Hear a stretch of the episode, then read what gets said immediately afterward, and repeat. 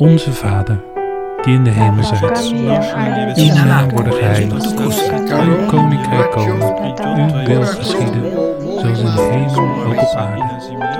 Geef ons heden ons dagelijks brood en vergeef ons onze schulden, zoals ook wij onze schuldenaars vergeven. Welkom bij deze tweede podcastviering in de serie over het Onze Vader tijdens de 40 dagen tijd. Een tijd van bezinning. En dat tijdens de lockdown. Een tijd van quarantaine. Dat woord stamt ook van 40 dagen af. Alleen zitten wij al veel langer dan 40 dagen in die tijd. Misschien kun jij ook een kaars aansteken, zoals ik er hier eentje aansteek. Als teken van verbondenheid.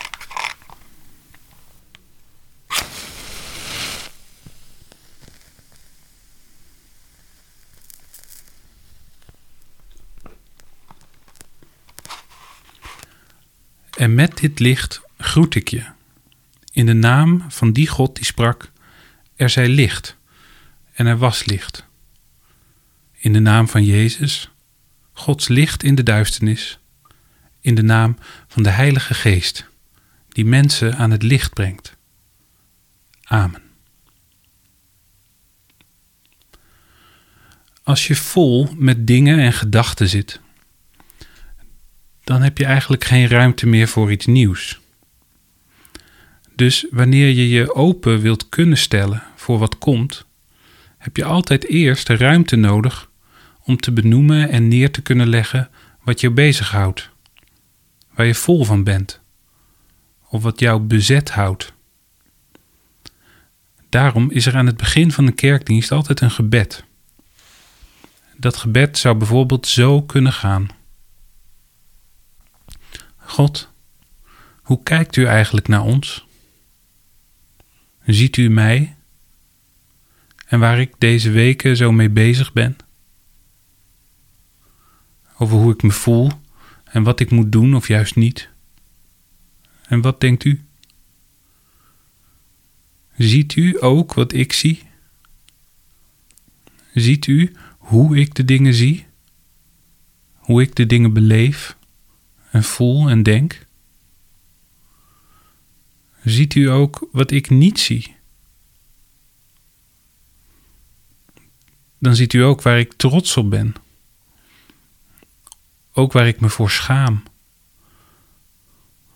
Of waar ik trots op was, totdat ik me ervoor ging schamen.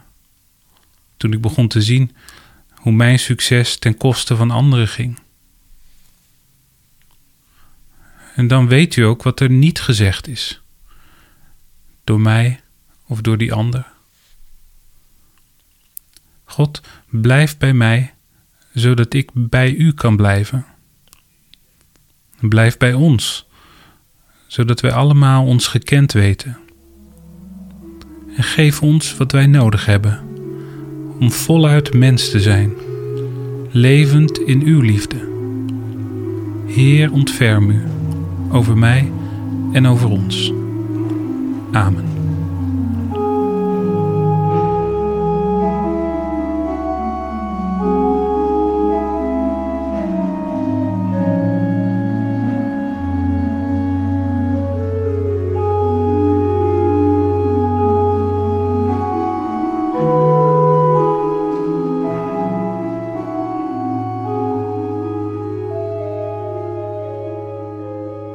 In deze podcastserie combineren we eigenlijk twee lijnen. De eerste lijn is die van deze tijd die voorafgaat aan Pasen. En in het kerkelijk jaar staan daar de verhalen van Jezus op het rooster voordat hij gevangen genomen wordt en gekruisigd. De tweede lijn is die van het gebed dat Jezus letterlijk uitspreekt als hij mensen wil leren hoe ze het beste kunnen bidden. En die tekst kennen wij als het Onze Vader. En het is misschien wel waarschijnlijk de meest bekende tekst op aarde. Weet u, ik heb mijn loopbaan een beetje te danken aan het Onze Vader. Na mijn afstuderen werkte ik nog op de Universiteit voor Communicatie en Studentenwerving in Kampen. En daar kwam een mailtje binnen dat er bij de Icon, de kerkelijke omroep in Hilversum, iemand gezocht werd voor een online project over het Onze Vader. Ik reageerde en werd bij het Icon Pastoraat aangenomen. Later kon ik doorstromen daar als eindredacteur van de radiokerkdiensten. En toen ik bij de Icon dat project over het Onze Vader begon en daar een soort website over maakte, was er net een soort hype gaande rond het Arameese Onze Vader van Bram Moerland en anderen voor hem. Jezus sprak waarschijnlijk Aramees en niet Grieks, de taal waarin de Evangeliën en dus ons Nieuwe Testament geschreven is. Dus als we het Onze Vader in het Aramees zouden hebben, dan zou dat nog oorspronkelijker en dichter bij Jezus zijn, toch? Bram Moerland schrijft er op zijn eigen site dit over. De hertaling die u hier vindt van het Jezusgebed staat dichter bij het oorspronkelijk door Jezus in het Aramees uitgesproken gebed dan het Onze Vader, zoals dat overgeleverd is in de kerkelijke traditie.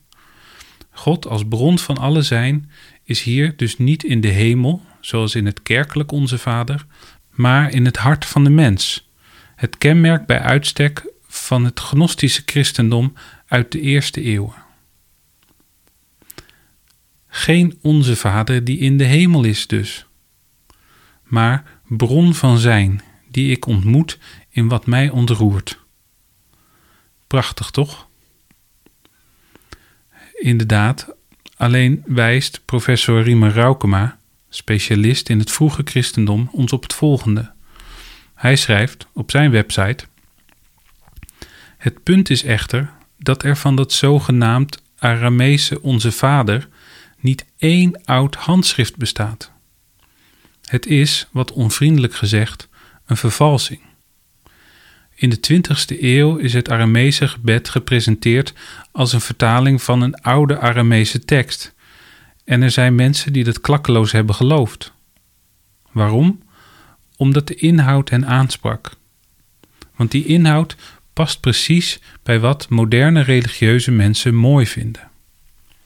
In de esoterie en moderne spiritualiteit is een grote voorliefde voor alles wat dicht bij ons mens is. Het diepste in ons. Ons hart, onze ziel en een eenheid en harmonie met alles. Het zogenaamde Arameese Onze Vader schrijft die wensen over de tekst van Jezus heen. Waarom sta ik hierbij stil?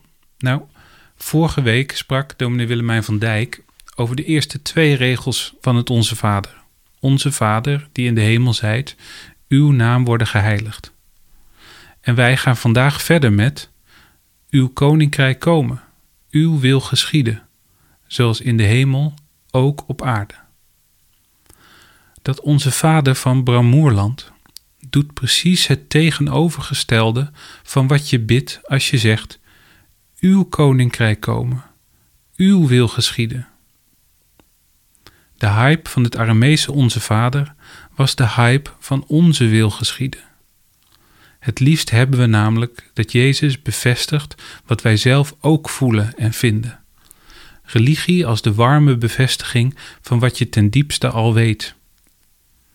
En de ware geschiedenis wordt dan als ons eigen gelijk. Het is eigenlijk gewoon een samenzweringstheorie, zoals er deze maanden steeds meer lijken te komen. Of zoals woensdag nog op de NOS het bericht over die flyer van meneer Jaap Dieleman, die er meer dan een miljoen van liet drukken en wil vertellen dat het coronavirus een actie van de antichrist is. En dat we hierna dan mogen wachten op de hemel op aarde. God die dan gaat geven wat wij vragen. Maar Jezus bedoelde er naar mijn overtuiging iets anders mee met dat zoals in de hemel ook op aarde. Misschien gaat het wel niet om onze vragen. De bede, uw koninkrijk komen, uw wil geschieden en uw naam worden geheiligd gaat daar nog aan vooraf, is drie keer niet van ons, maar van u, van onze Vader. Het is drie keer Niet ikzelf, maar u, die ander. Het Onze Vader bidden is niet een uiting van een verlangen naar ons eigen koninkrijk. Het is niet de bevestiging van onze eigen gewenste spirituele eenheid of vermoede samenzwering of verlangen naar een sterk welvarend koninkrijk der Nederlanden. Het is geen verlangen naar een stevige economie. Het is zelfs niet bidden om de ideale samenleving. Het gaat niet om ons idee van harmonie. En het is ook niet bidden dat mensen straks maar op de juiste partij zullen stemmen bij de verkiezingen. Maar het bidden van het Onze Vader is een oefenen. Een oefenen in het plaatsmaken in ons leven voor Gods koninkrijk, voor het gebeuren Gods in onze wereld. Daar als mens voor open proberen te staan en daar ergens zelfs je hoop op vestigen. Daarmee is het dus vaak, als je het bidt, vooral het opzij zetten van wat jou zo bezighoudt. Zowel wanneer dat positief is, als je lekker in je vel zit en de dingen goed gaan, als wanneer het niet goed gaat en je je gevangen en angstig voelt. Het is in voorspoed en tegenspoed, zeg maar. Je oefenen in een perspectief dat je nog niet kent. God niet als het antwoord op onze problemen, omdat hij groter is dan dat. En de volgende zin in het gebed vat dat samen. Zoals in de hemel, ook op aarde. Alsof we zeggen: God, zoals u dat in die hemel doet, mag het ook hier op aarde zo zijn. Het begin van het Onze Vader vraagt aan die Vader of wat van Hem is ook voor ons mag zijn. Of wij als mensen daar erfgenaam van mogen zijn. En dat bidden is jezelf proberen neer te zetten als deelgenoot en ontvanger van die erfenis en daarmee van die werkelijkheid. En dat is iets waar we in deze tijd helemaal niet van houden. Die eerste zinnen van het Onze Vader bidden we als afhankelijke mensen. Mensen van verwachting. Mensen van hoop. Kinderen van Onze Vader. Dat wil niet zeggen dat wij dan dus domme en dus onkundige mensen of kinderen zijn en dat we zelf niet zoveel kunnen. Dit gebed toont haar kracht juist als het leven je overspoelt. Als je met al je passie en je kunde je toch beseft dat het leven zoveel groter is dan dat je zelf kunt behappen. Juist midden in de actualiteit, zelfs midden in het acht uur journaal, komt het tot zijn recht. Uw koninkrijk komen, uw wil geschieden, liever niet die van ons. En daarmee is het dus overgave. Als je niet meer kunt of durft te overzien hoe je leven gaat lopen als een ziekte je treft of onrecht, als je uit het veld bent geslagen, dan voel je dat je wilt kunnen bidden: Uw koninkrijk komen, Uw wil geschieden. Het Onze Vader dat wij kennen, vinden we terug in het Evangelie van Matthäus, hoofdstuk 6, vers 9 tot 13. Anderhalf hoofdstuk daarvoor vinden we de bergreden en daarin krijgen we iets te zien van dat hemelse koninkrijk. Van dat zoals in de hemel ook op aarde. En wat blijkt? Dat koninkrijk is ergens deze aarde op zijn kop. Marjan Mak leest het met ons. Jezus trok rond in heel Galilea. Hij gaf er onderricht in de synagogen verkondigde het goede nieuws van het koninkrijk en genas iedere ziekte en elke kwaal onder het volk. Het nieuws over hem verspreidde zich in heel Syrië. Allen die ergens aan leden en die gekweld werden door een ziekte of door pijn, en ook bezetenen en maanzieken en verlamden werden bij hem gebracht en hij genas hen. En grote groepen mensen volgden hem, uit Galilea en Decapolis, uit Jeruzalem en Judea en uit het gebied aan de overkant van de Jordaan. Toen hij de mensenmassa zag, ging hij de berg op. Daar ging hij zitten met zijn leerlingen om zich heen. Hij nam het woord en onderrichtte hen. Gelukkig wie nederig van hart zijn, want voor hen is het koninkrijk van de hemel. Gelukkig de treurenden, want zij zullen getroost worden. Gelukkig de zachtmoedigen, want zij zullen het land bezitten. Gelukkig wie hongeren en dorsten naar gerechtigheid, want zij zullen verzadigd worden. Gelukkig de barmhartigen, want zij zullen barmhartigheid ondervinden. Gelukkig wie zuiver van hart zijn, want zij zullen God zien. Gelukkig de vredestichters, want zij zullen kinderen van God genoemd worden. Gelukkig wie vanwege de gerechtigheid vervolgd worden, want voor hen is het koninkrijk van de hemel.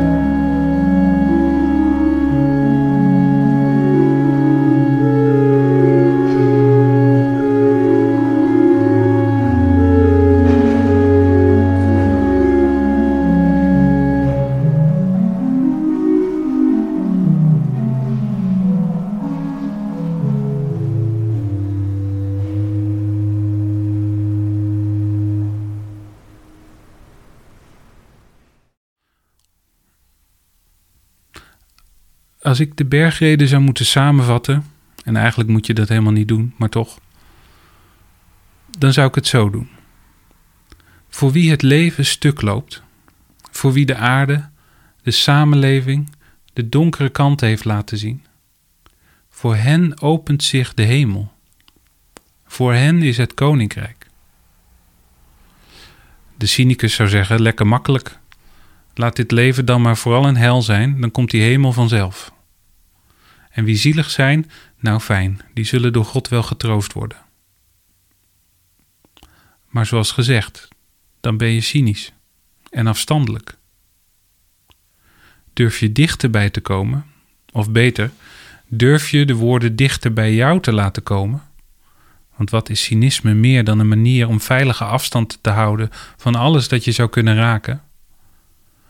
Dan zie je dat in al die woorden een beweging zit een beweging van licht naar donker naar licht. Van hoog naar laag naar hoog. Van geluk naar pijn naar geluk. Er zit een beweging in, een U-beweging. Je zou kunnen zeggen, het zijn u'tjes. Misschien zijn het wel de u'tjes van uw naam worden geheiligd, van uw koninkrijk komen, van uw wil geschieden. Gods U-beweging, die in zichzelf een figuur zijn van een beweging door het dal heen. Geldt dat ook, dat beeld van die U-beweging, bij die verzen over de zachtmoedigen, de barmhartigen en de zuiveren van hart en de vredestichters? Ik zou zeggen ja, in die zin dat ook op hen wordt neergekeken. Een zachtmoedige maakt ook vandaag de dag geen carrière. Een barmhartige krijgt als politicus geen stemmen. En zuiveren van hart scoren niet op Instagram. En vredestichters, die hebben de tijd ook niet mee. Wil je weten hoe Gods wil geschiet in de hemel, zo ook op aarde? Dan moet je ondersteboven durven kijken. Dan moet je durven lijden aan de wereld zoals hij nu is. En dan is er bij de pijn die je kunt hebben niet vooral de vraag hoe God jou dit aan kan doen, maar dan is er de werkelijkheid dat als je de kracht vindt om zelfs het grootste verdriet te voelen en daar niet voor weg te vluchten, er op wonderbaarlijke wijze iets nieuws kan groeien. Iets wat je vooraf niet gedacht had. De hemel is niet de compensatie voor het leed op aarde. Het leed op aarde speelt zich af onder een hemel. En soms kunnen hemel en aarde elkaar raken. En dan groeit er iets nieuws op aarde. Zoals met Jezus, hemel en aarde elkaar raakten. Ook al leed die hemelse Jezus aan de wereld zoals hij toen was. Het is dat prachtige verhaal van die verzoeker of de duivel in de woestijn. Echt een 40 dagen tijd verhaal. Die drie keer de deur voor Jezus openzet om maar snel de hemel op te zoeken en te vluchten voor alle moeilijkheden die er in dit leven zijn. Voor honger, vluchten voor onmacht, voor het noodlot. Maar Jezus doet het niet. Deze 40 dagen tijd is de tijd waarin we samen met Jezus onder in het dal van die U zitten, op het dieptepunt, of bijna op het dieptepunt. En in de bergrede vertelt Jezus voor wie het koninkrijk van de hemelen is. En dan even later in het evangelie van Matthäus leert Jezus ons bidden om dat koninkrijk. Dat koninkrijk is voor wie zich verbindt met deze wereld, niet met de hemel. Het is juist voor wie erin ten onder gaat, omdat daar de hemel zich opent. En ja, dat is dus een paradox. Of zoals Dorothee Sulle het zei: leren knielen om rechtop te kunnen lopen. Of anders, je klein maken om groot te kunnen zijn. Of minder worden om meer te kunnen zijn. Ga zo maar door. Eén waarschuwing. Als je die U, die beweging, als je die plat maakt, dan wordt het een plat streepje. En dan is het lijden zelf de hemel. Dat is eigenlijk wat de cynicus ook zegt. Wil je de hemel? Nou, ga dan maar lekker lijden. Dat is hetzelfde als misplaatste vroomheid. Een vroomheid die wil troosten door te zeggen dat er in dat lijden en het verdriet een diepere boodschap ligt. Maar dan heffen hemel en aarde elkaar op. Dan is er geen beweging meer tussen die twee. Dan zijn ze hetzelfde geworden. Dan is de U een streepje geworden. Is er niks nieuws meer mogelijk. Dus om het maar hardop te zeggen, het gaat hier niet om de platte versie, het gaat hier om het echt, om dood en om opstanding. De beweging van die U, die U-beweging van God, is leven, dood en opstanding. Het verdriet, de pijn, het gemis, het lijden, het is allemaal zo groot en overweldigend als wij het ervaren. En het blijft zo groot als het is. Er gaat niets af. Het wordt ook niet makkelijker als je in God gelooft. Maar als wij het onze Vader bidden, dan volgen we daarin Jezus. Voor wie het lijden, de pijn en het onrecht niet het einde was van alles, niet uitliep op de dood, maar op wonderbaarlijke manier het begin werd. Het begin van ons geloof, van ons vertrouwen, van onze hoop en onze liefde, als gave uit het koninkrijk, gave uit de hemel, ook op aarde. Amen.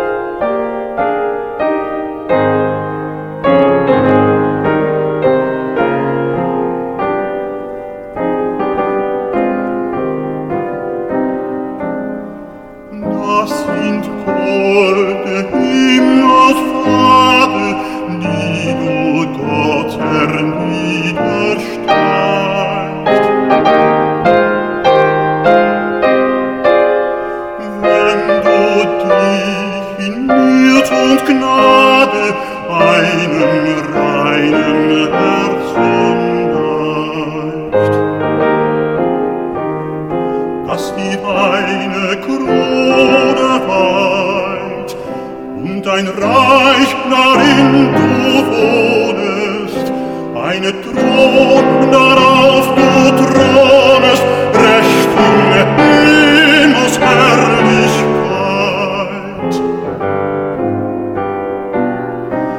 Ach, mein Herz ist voller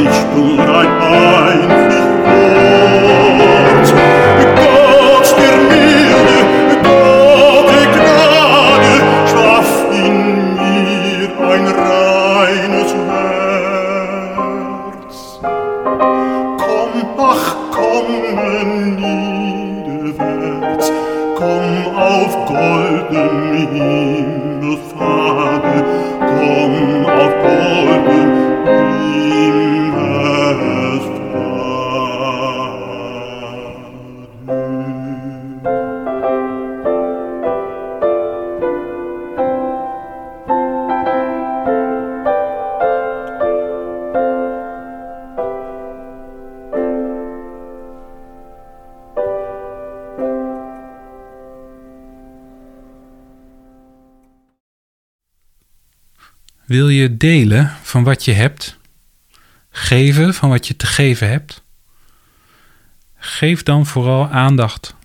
Geef vertrouwen en geef liefde aan wie je het maar kunt geven. En probeer het zelf ook zoveel mogelijk te ontvangen. Daarnaast kun je ook delen in geld en goed.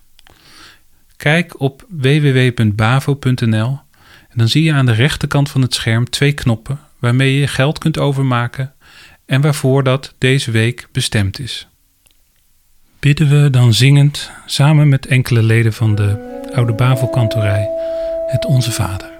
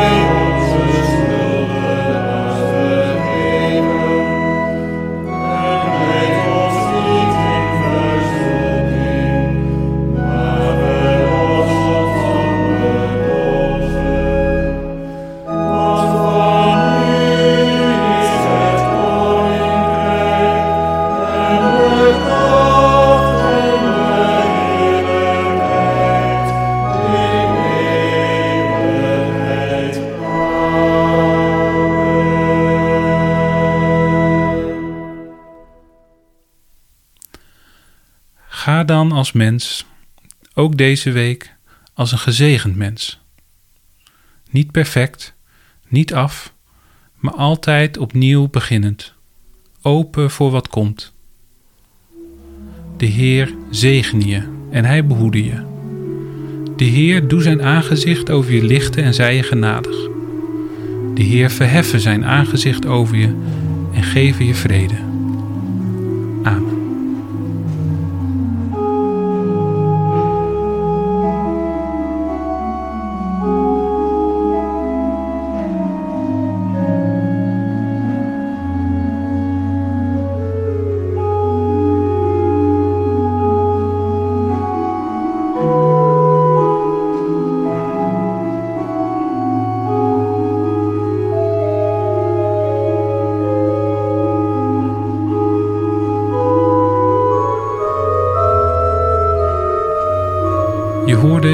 Aflevering Marjan Mak, die met ons las uit het Evangelie van Matthäus. Op orgel en piano hoorde je Anton Pauw. Je hoorde bariton Pieter Stam.